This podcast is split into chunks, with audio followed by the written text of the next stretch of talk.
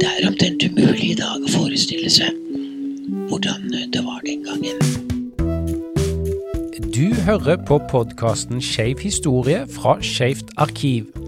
Vi har to episoder om dannelsen av den første organiserte homobevegelsen i Norge, som fyller 70 år nå i mai. Og I disse to episodene går vi i dybden på den første tiden. Når starta det, hvordan starta det, hvem var de involverte, og hvorfor ble nettopp disse sentrale i den norske homokampen?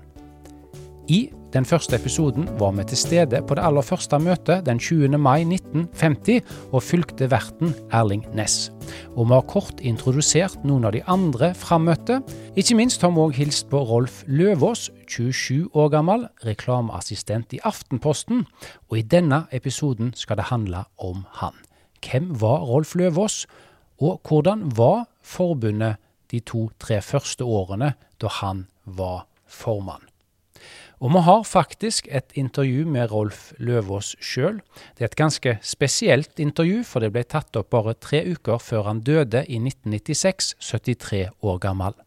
Vi hører han er svak av sykdom, men det er likevel interessant å høre han fortelle om opprettelsen av forbundet, for det var ikke akkurat sånn at man sto i kø for å bli med i den nye norske homobevegelsen. Den interessen var ikke akkurat noe sånn unison. Det var veldig mange skeptiske. Mange som mente at eh, det var latterlig å tro at vi kunne få noe bedre livsforhold for homofile ved, ved å gå via eh, eller gjennom organisasjonsformen. Opprette forening osv. Så, videre. så Men det var nå i hvert fall en krets som var interesserte. I mai 1950 i Oslo i Bislett hospits fikk vi leie et eh, lokale der, husker jeg. For innehaveren hørte jo til menigheten, da. Uh, og Så da hadde man Men vi var jo Det var en veldig beskjeden forsamling, da. Og nokså få. Men uh, ved en tilfeldighet så ble nå jeg valgt formann for forbundet. Og jeg fikk med meg et slags styre, får jeg si. Personlige venner som jeg hadde stor tillit til. Men eh, dette var så risikabelt og tristig, så det var svært mange som var veldig redd for å få sine navn ned på papir. Så, så dette styret ble litt sånn skyggekabinett, da. Og vi har fått med oss eh, faglig leder i Skeivt arkiv, Hanna Gillow Kloster. Og eh, for å gripe fatt i det som Rolf Løvås eh, sier her, at det kunne være dristig og risikabelt eh, å bli med, hva legger han i det? Altså, nå er vi jo tilbake i 1950, og på dette tidspunktet så var jo homoseksuelle handlinger mellom menn forbudt ved norsk lov, i straffelovens paragraf 213. Og selv om det var en lov som ikke var så mye aktivt brukt, så var det en veldig reell frykt for andre konsekvenser dersom man skulle stå frem. Det er kanskje vanskelig å forstå eh, egentlig i våre dager, hvordan det var på den tiden. Men vi vet at det var en helt reell frykt å miste både jobb, kontakt med familie, sted å bo og anseelse dersom det kom frem at man var homofil. Og en av de andre pionerene i forbundet, som vi så vidt nevnte i første episode, Arne Heli, han opplevde faktisk å bli kastet ut av leiligheten sin akkurat på denne tiden, fordi han ble observert med kjæresten Øyvind Eckhoff. Og da flyttet altså de to inn på Bislett hospits. Vi har også tall på dette. De er riktignok litt nyere. Eh, hele 15 år etter dette så ble den første spørreundersøkelsen om allmennhetens holdninger til homofili gjennomført av Arnold Havelin. Og da, i 1965, kom det frem at 45% av nordmenn, altså nesten halvparten av Norges befolkning, ville si opp en leieboer dersom de fikk rede på at hen var homofil. Og 35% ville ikke akseptere en homofil kollega. Hmm. Det sier litt om, eh, om, eh, forholdene de eh, bevegte seg i. Eh, men eh, hvis vi går tilbake til Rolf Løvaas, som regnes som den første formannen. hvem var han, og hvordan endte han opp med å bli den første formannen i, i Det norske forbundet? Ja, det er jo veldig interessant. Det ser jo tidvis ut som det er en historie preget av tilfeldigheter, men det er kanskje alle våre historier. Um, Rolf Løvaas var født i Trondheim i 1923. Og eh, moren var pianolærer, og faren var bygningsingeniør. Men faren mistet jobben etter krakket i 1929, og de levde i tøffe kår. I 1931, så når Rolf var åtte år gammel, så flyttet de til Oslo og ble boende der til krigen brøt ut i 1940. Og i starten da så bodde de i et arbeiderstrøk på Vålerenga. Etter eh, å ha bodd i Oslo på 30-tallet, så flyttet familien Løvås tilbake til Trondheim, hvor Rolf Løvås gikk på gymnaset. Og det var omtrent på denne tiden han skjønte at han var homofil. I det intervjuet som vi har hørt et klipp fra, så sier han at det var en erkjennelsesprosess, men jeg kom ikke ut aktivt. Og han sier også at erkjennelsen var smertefull nok. Jeg skjønte jo at dette ville sette sitt preg på hele min fremtid. Det er jo noe vi har hørt både han og andre si, at den forståelsen når man forstår at man er homofil, av hva det vil bety for livet.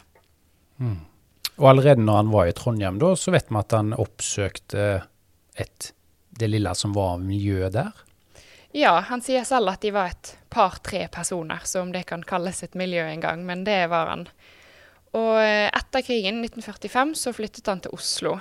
Og eh, det var nok ganske frigjørende for han som en ung homofil mann å komme til en større by på egen hånd, uten familie. Og da oppsøkte han også homofile treffsteder, som f.eks. Vimpi bar. Og så leste han vel òg det sveitsiske homotidsskriftet Der Kreitz, eller Le Circle, ja, som det, var en av de få tingene som var tilgjengelig? Altså, ja. Det var jo ikke spesielt mange ja, hva skal man si, homovennlige lesekilder på den tiden, ting man kunne lese. Ja, og han leste dette homotidsskriftet, og der var det jo også snakk om en organisering. Men han sier selv at det var ingen av de som han kjente i de homofile miljøene i Oslo, som støttet han i denne tanken om at man burde organisere seg. Og i 1948 så kom det til Norge rykter om at noe skjedde i Danmark. Noe var i gjære. Og i 1949 så vet vi at Rolf Løvås faktisk skrev til lederen for det danske forbundet, Aksel Lundahl Madsen, for å abonnere på Vennen.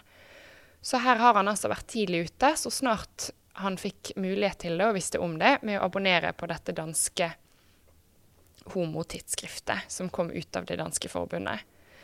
Og dette samme året, i 1949, så ble Rolf også kjent med Bjørn Hansen, som vi omtalte i første episode.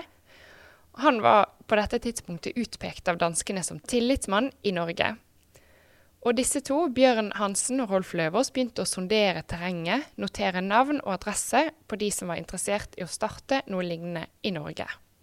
Og i denne korrespondansen som Rolf Løvaas hadde med Aksel Lundahl Madsen i Danmark, så var det ikke bare hva skal man si, altså positive ting som kom fram. Fordi Aksel Lundahl Madsen han advarte faktisk mot at det skulle dannes en egen norsk organisasjon. Hvorfor det? Ja, det er jo eh, sånn at Rolf Løvaas luftet altså ideen om en norsk homoorganisasjon allerede i denne helt første korrespondansen, hvor han egentlig bare skulle skrive for å abonnere på tidsskriftet, men så kan du si det eskalerte. Uh, og da advarer jo Aksel Lundahl Madsen mot å ha en norsk homoorganisasjon, i hovedsak pga. paragraf 213 i straffeloven, som altså forbød homoseksualitet mellom menn. Og denne argumentasjonen den tok også Rolf videre.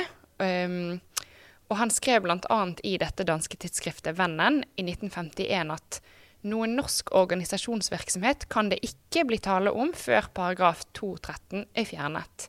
Så med denne advarsel så endte de egentlig opp med en slags mellomting.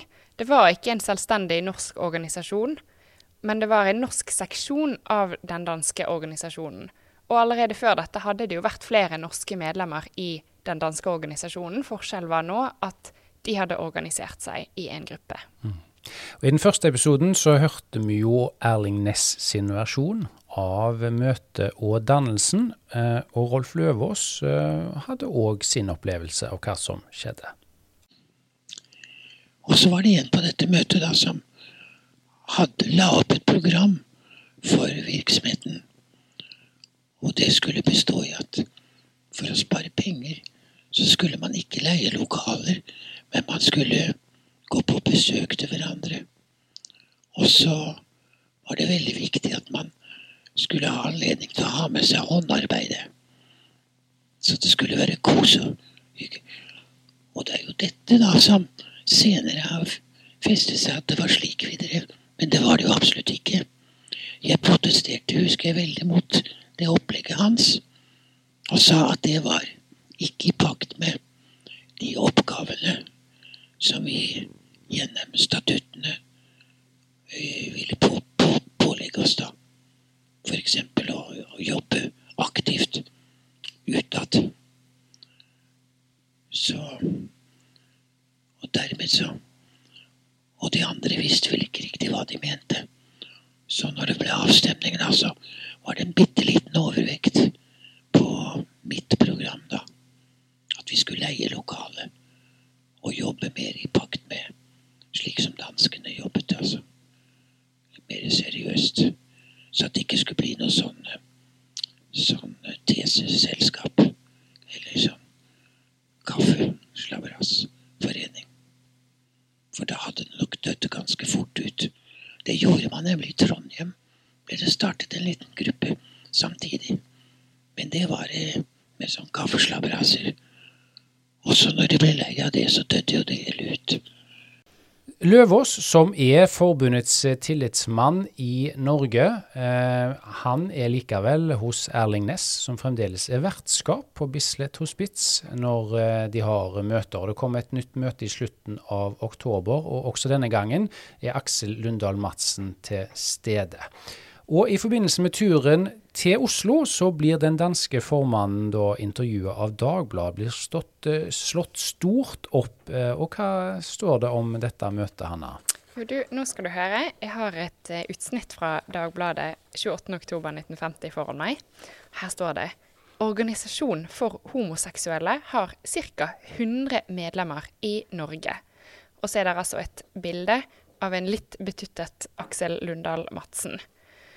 Um, og her er altså han intervjuet, og han sier uh, rett ut at hans mål med denne turen er nettopp det å etablere en sånn organisasjon også i Norge. Og han forteller litt om arbeidet til forbundet av 1948, og bakgrunnen for at organisasjonen ble skapt. Og forteller litt om at man ser jo annerledes på disse tingene i Danmark og Sverige enn Norge men at det likevel er fullt mulig og på høy tid å få til en slik organisasjon i Norge. Mm. Og så er det jo sånn at eh, Rolf Løvås etter hvert òg eh, begynner å publisere eh, ting, altså kronikker osv. i eh, avisene. Eh, og den første, eller i hvert fall en av de første han skriver, er kanskje til og med en, en glipp? Ja. Eh, den I desember 1950, og da er han altså godt etablert som forbundets formann i Norge, så publiserer Rolf Løvaas artikkelen 'En sedelig' i hermetegn lov i Dagbladet under fullt navn. Og det som tatt i betraktning det som vi hørte innledningsvis i denne episoden om alle de konsekvensene som man risikerte å stå overfor dersom det kom frem at man var homofil, så er dette ganske oppsiktsvekkende. Men han skriver altså i et brev til Aksel Lundahl Madsen at han ikke mente at han skulle publiseres i fullt navn. Mm. Og det som er verdt å merke seg her, er at han skriver ikke som en homofil selv. Han skriver som en vanlig og engasjert borger, og presenterer seg på ingen måte som formann av dette forbundet. Og likevel så var det for risikofylt for at han skulle ønske at det var i hans eget navn. Mm. Og da var det jo egentlig bare en oppfordring om å avskaffe paragraf 213? Ja, han går ganske hardt ut mot denne paragrafen og kaller den en inhuman fortidslevning.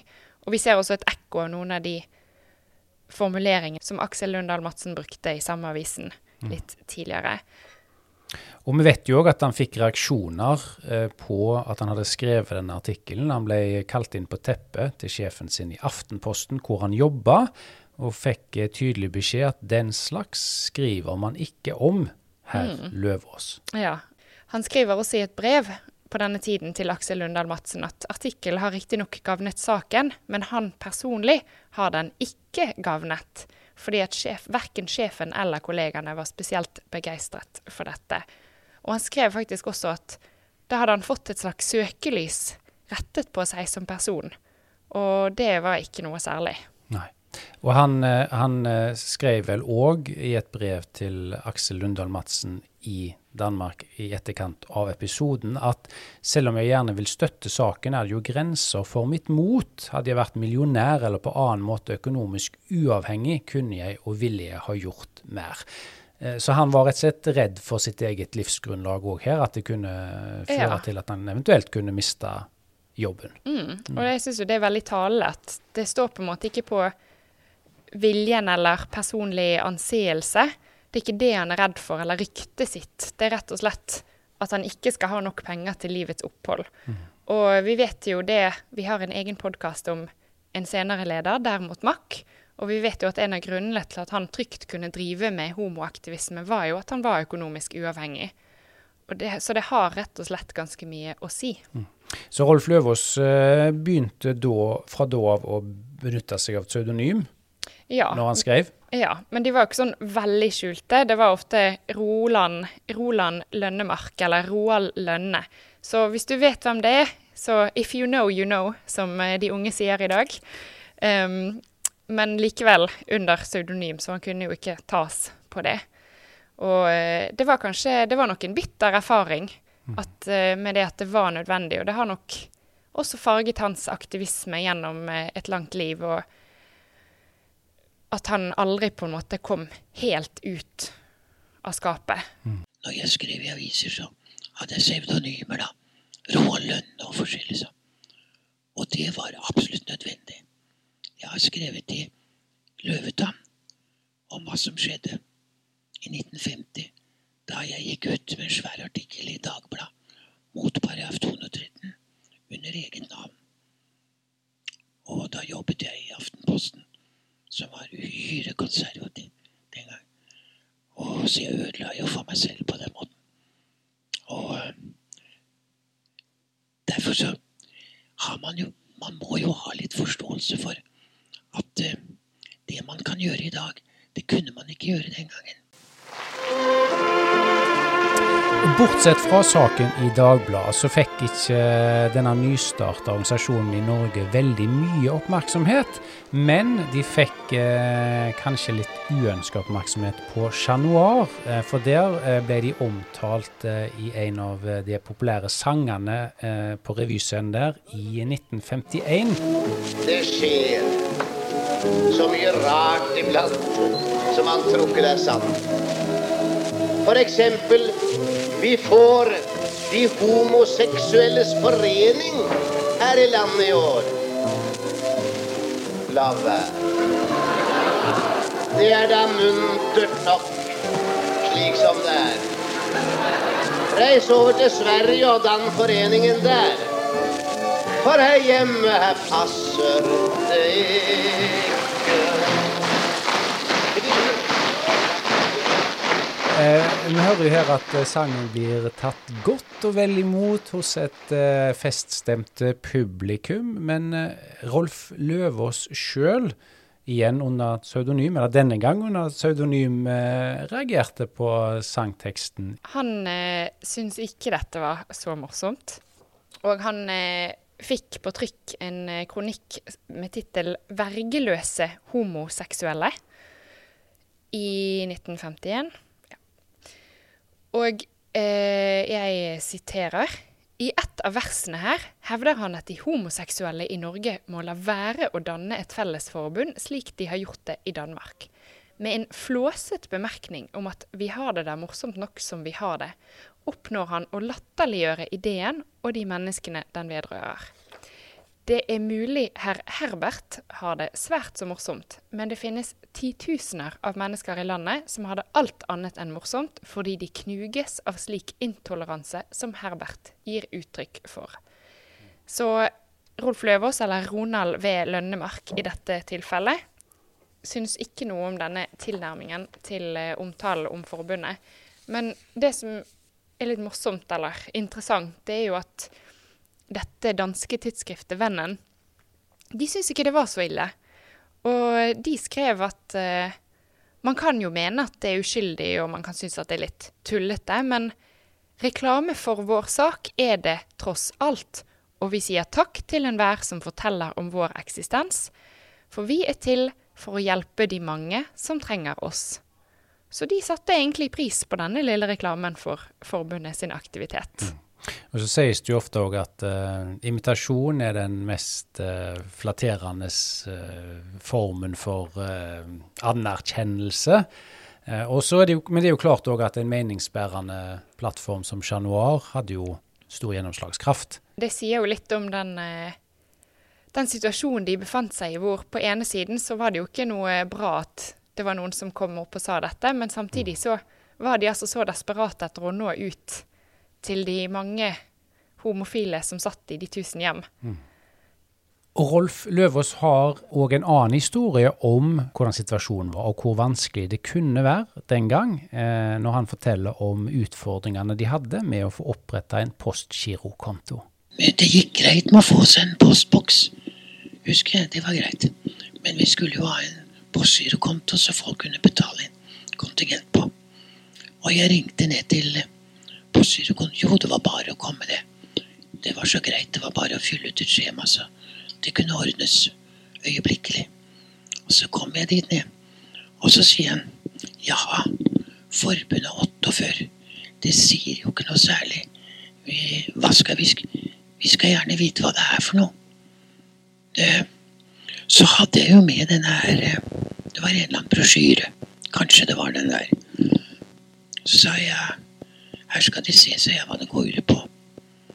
Og vedkommende leste dette her, og øynene ble større og større. Holdt på å falle ut. Og så sa vedkommende damen nervøst at ja, jeg måtte vente litt, for jeg måtte liksom se litt på dette her. Så det var ikke så enkelt likevel. Og hun ble lenge borte. Og jeg husker det dukket opp sånne ansikter fra forskjellige dører som så bort på meg. Som et rart dyr. At jeg var et rart dyr. Tenk, der var det altså en homoseksuell. Nei ja, nei. Og så kom den tilbake omsider og sa at dette måtte drøftes på styremøte eller noe sånt. Så det kunne ikke gå så fort.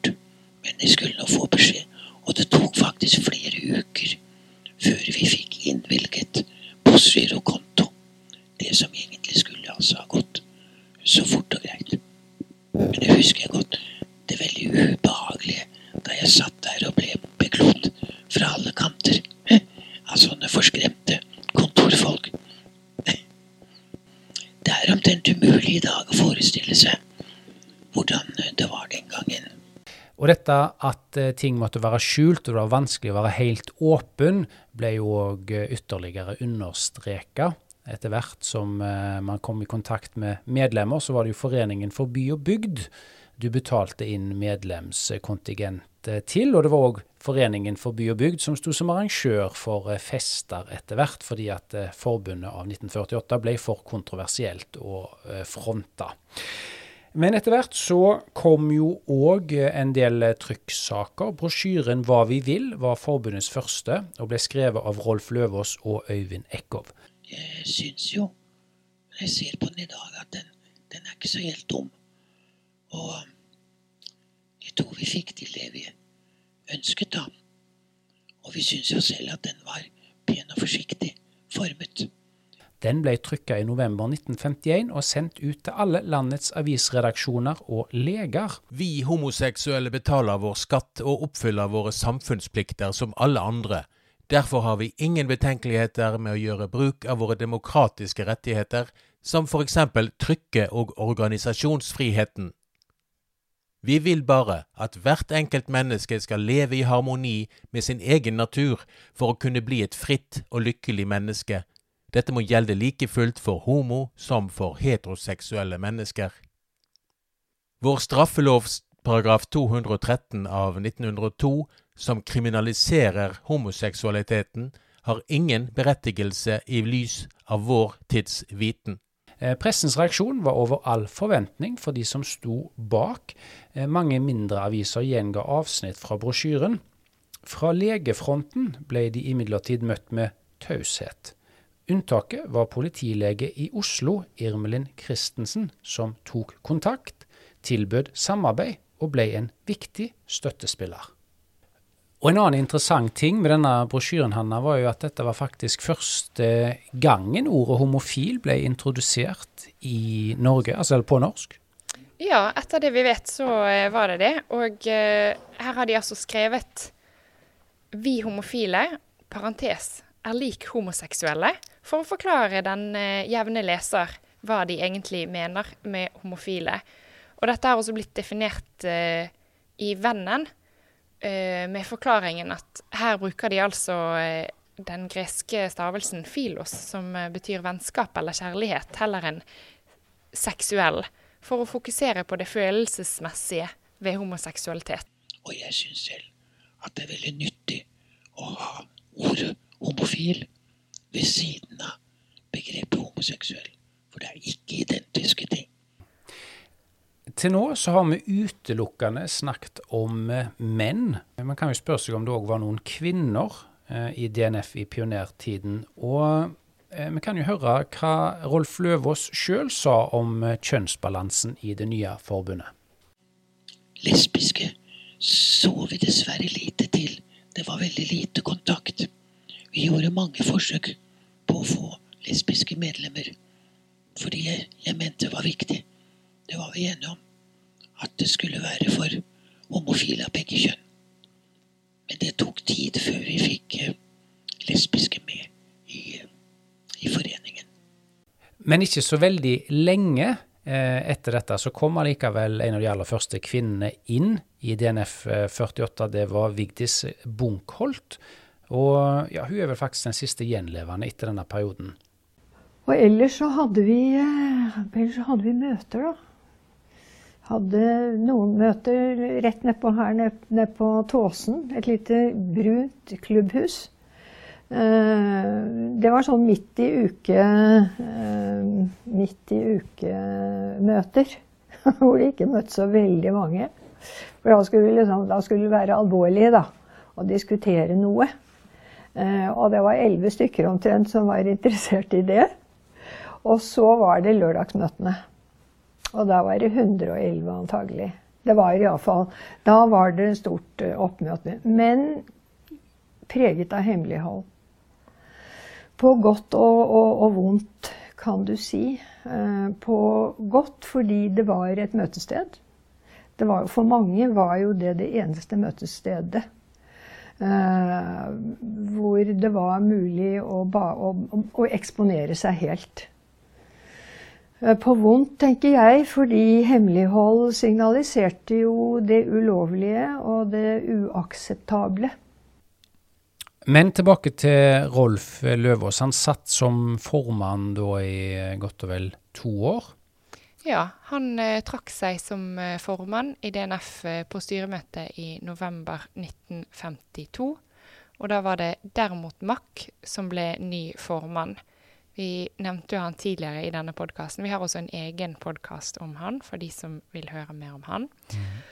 Og på nyåret i 1953, i februar, ble det altså endelig opplest og vedtatt og avgjort at den norske organisasjonen var en helt selvstendig organisasjon, uavhengig av danskene. Og det var altså først i februar 1953 at denne organisasjonen fikk navnet det norske forbundet av 1948, eller DNF 48. Mm. Men Løvaas fortsatte å engasjere seg? Ja, han la vel aldri vekk engasjementet for eh, homosaken. Og han ble en veldig aktiv skribent og debattant fremover, men altså som regel under pseudonymene Roald Lønnemark, Roald Lønne osv. Og, og det er klart, altså for forbundet så var jo kampen for mot straffeloven og paragraf 213 det som var den viktige saken helt fra starten. Og det har jo Rolf Løvers også vært tydelig på både den gang da og i sine beretninger fra, fra historien, at det som var viktig for han, var at forbundet ikke skulle bli en koseklubb eller en håndarbeidsklubb, men en organisasjon som kjempet for like rettigheter. Og agenda, punkt nummer én på agendaen var jo denne paragrafen i straffeloven. Mm. Og når derimot Mack overtok som formann, så ble denne saken brennaktuell. Og vi vet at det hadde skjedd en del i kulissene i departementene fra 1951 allerede med denne paragrafen. Men i 1953 så startet eh, det offisielle arbeidet med revisjon av straffeloven. Og det kom da et forslag til en ny paragraf som ville betydd en innskjerping i praksis. Og det ble altså den første utadvendte politiske saken til forbundet, som da kom etter at Rolf Løvaas hadde gått av. Mm. Men holdt jo kontakt med disse danske pionerene livet ut, eh, som var med på dannelsen i 1950. Et godt og varmt vennskap dem imellom? Ja, de eh, skrev frem og tilbake og fortalte om hverandres liv, og snakket om hva de holdt på med, og om homosaken. Og de besøkte hverandre i Danmark og Norge, men vi vet også at uh, disse besøkene var ikke helt uten uh, Helt uproblematiske for Rolf. Um, og at det krevdes en viss innsats fra vennene hans i Danmark for å få han ut av Oslo. Aksel Lundahl Madsen skrev faktisk for Rolf var en reise til København som for andre å reise til Nordpolen. Så noen eh, verdensvant turist ble han nok aldri. Mm. Og så var han jo òg en foregangsmann eh, på det som vi kan si er kanskje blitt til Skeivt arkiv i dag. Han brant jo sterkt for å samle inn, bevare og, og formidle denne historien.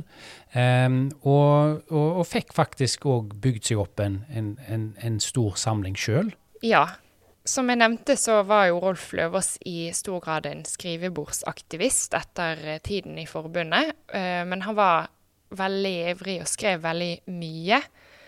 Og han skrev veldig mye om den skeive historien. Blant annet uh, i lø tidsskriftet Løvetann så er det noen fantastiske skriftlige beretninger fra Rolf Løvås fra 80- og 90-tallet om den første pionertiden. Så der kan jo hvem som helst lese mer hvis man er interessert i det. Uh, men han gjorde mer enn å bare skrive om historien. Han samlet også inn og laget oversikt over hva han selv hadde på feltet. Og i mangel på et norsk skeivt arkiv, sånn som vi har i dag, så ble dette arkivmaterialet sendt til Aksel Akskild i Danmark og tatt vare på ved Landsforeningen for bøsser og lesbiske. Og senere så donerte de dette materialet til det norske Riksarkivet, hvor det ligger trygt i dag. Og det er også komplementert av Kim Friele sitt arkiv, som har noe av det korresponderende materialet. Men så har vi jo òg fått litt til vårt eh, arkiv her i, i, Bergen, og det var jo Leif Pareli som tok vare på det. Ja, heldigvis for oss. Så alt det rubbel og bit som ikke ble sendt av gårde til eh, Danmark, det har Leif Pareli tatt vare på. Nå er det her også trygt i Skeivt arkiv, så det er veldig spennende å se bl.a. Rolf Løvaas sine egne kopier av tidsskriftet Vennen, så har han eh, tegnet med, markert med blyant alle de norske kontaktannonsene i et par år. Eh, så kanskje han var litt på, på, utkikk etter noe. Og Helt avslutningsvis, Hanna, så eh, hvordan vil du si at eh, Rolf Løvås eh, sin tidlige innsats eh, står seg, og hvilken betydning har den hatt? Jeg tror den har vært veldig viktig. Og nå er det klart, nå har vi diskutert i disse to episodene Kanskje ikke Rolf Løvås var den første formannen av forbundet. Kanskje han var det. Det er vi ikke helt sikre på. Det vi vet, er at den aller første kronikken til Rolf Løver, som kom under fullt navn i Dagbladet i desember 1950, var en av de tingene som satte i gang en prosess internt i Justisdepartementet. Fordi at etter dette så kom det et anonymt håndskrevet brev inn til Justisdepartementet som direkte nevnte denne kronikken og sa nå er det på tide å få fjernet denne paragrafen. Og på nyåret i 1951 så kom også forbundet med en formell henvendelse til Justisdepartementet. Og sammen så satte disse tingene i gang veien mot det som 22 år senere faktisk skulle bli avkriminaliseringen av homoseksualitet i Norge. Og så satte han jo òg eh, i gang, eller var med på det første litt sånn større sosiale møtestedene. Og Absolutt. Og det har vi jo hørt han si òg, at det var jo de som gjerne ville bare treffes hjemme hos hverandre på rundgang. Men han tok til orde for å formalisere dette. Leie lokaler og få litt skikk og orden på dette. Og det, det er jo ikke til å legge skjul på at det var en del fyll og spetakkel på de første sosiale sammenkomstene. Og måten forbundet under Rolf Løvers sitt lederskap håndterte dette, har jo satt linjen for hvordan forbundet ble en seriøs politisk organisasjon utover på 50- og 60-tallet. Du har hørt på podkasten Skeiv historie fra Skeivt arkiv. I dag så hørte du faglig leder Hanna Gillow Kloster. Research Runar Jordån. Heidi Rode Rafto, Hanna Gillow Kloster. Teknisk ansvarlig var Jo Gjelle. Mitt navn er Bjørn André Vidvei. Og vil du ha mer informasjon om 70-årsjubileet og markeringen, se skeivtarkiv.no for flere artikler.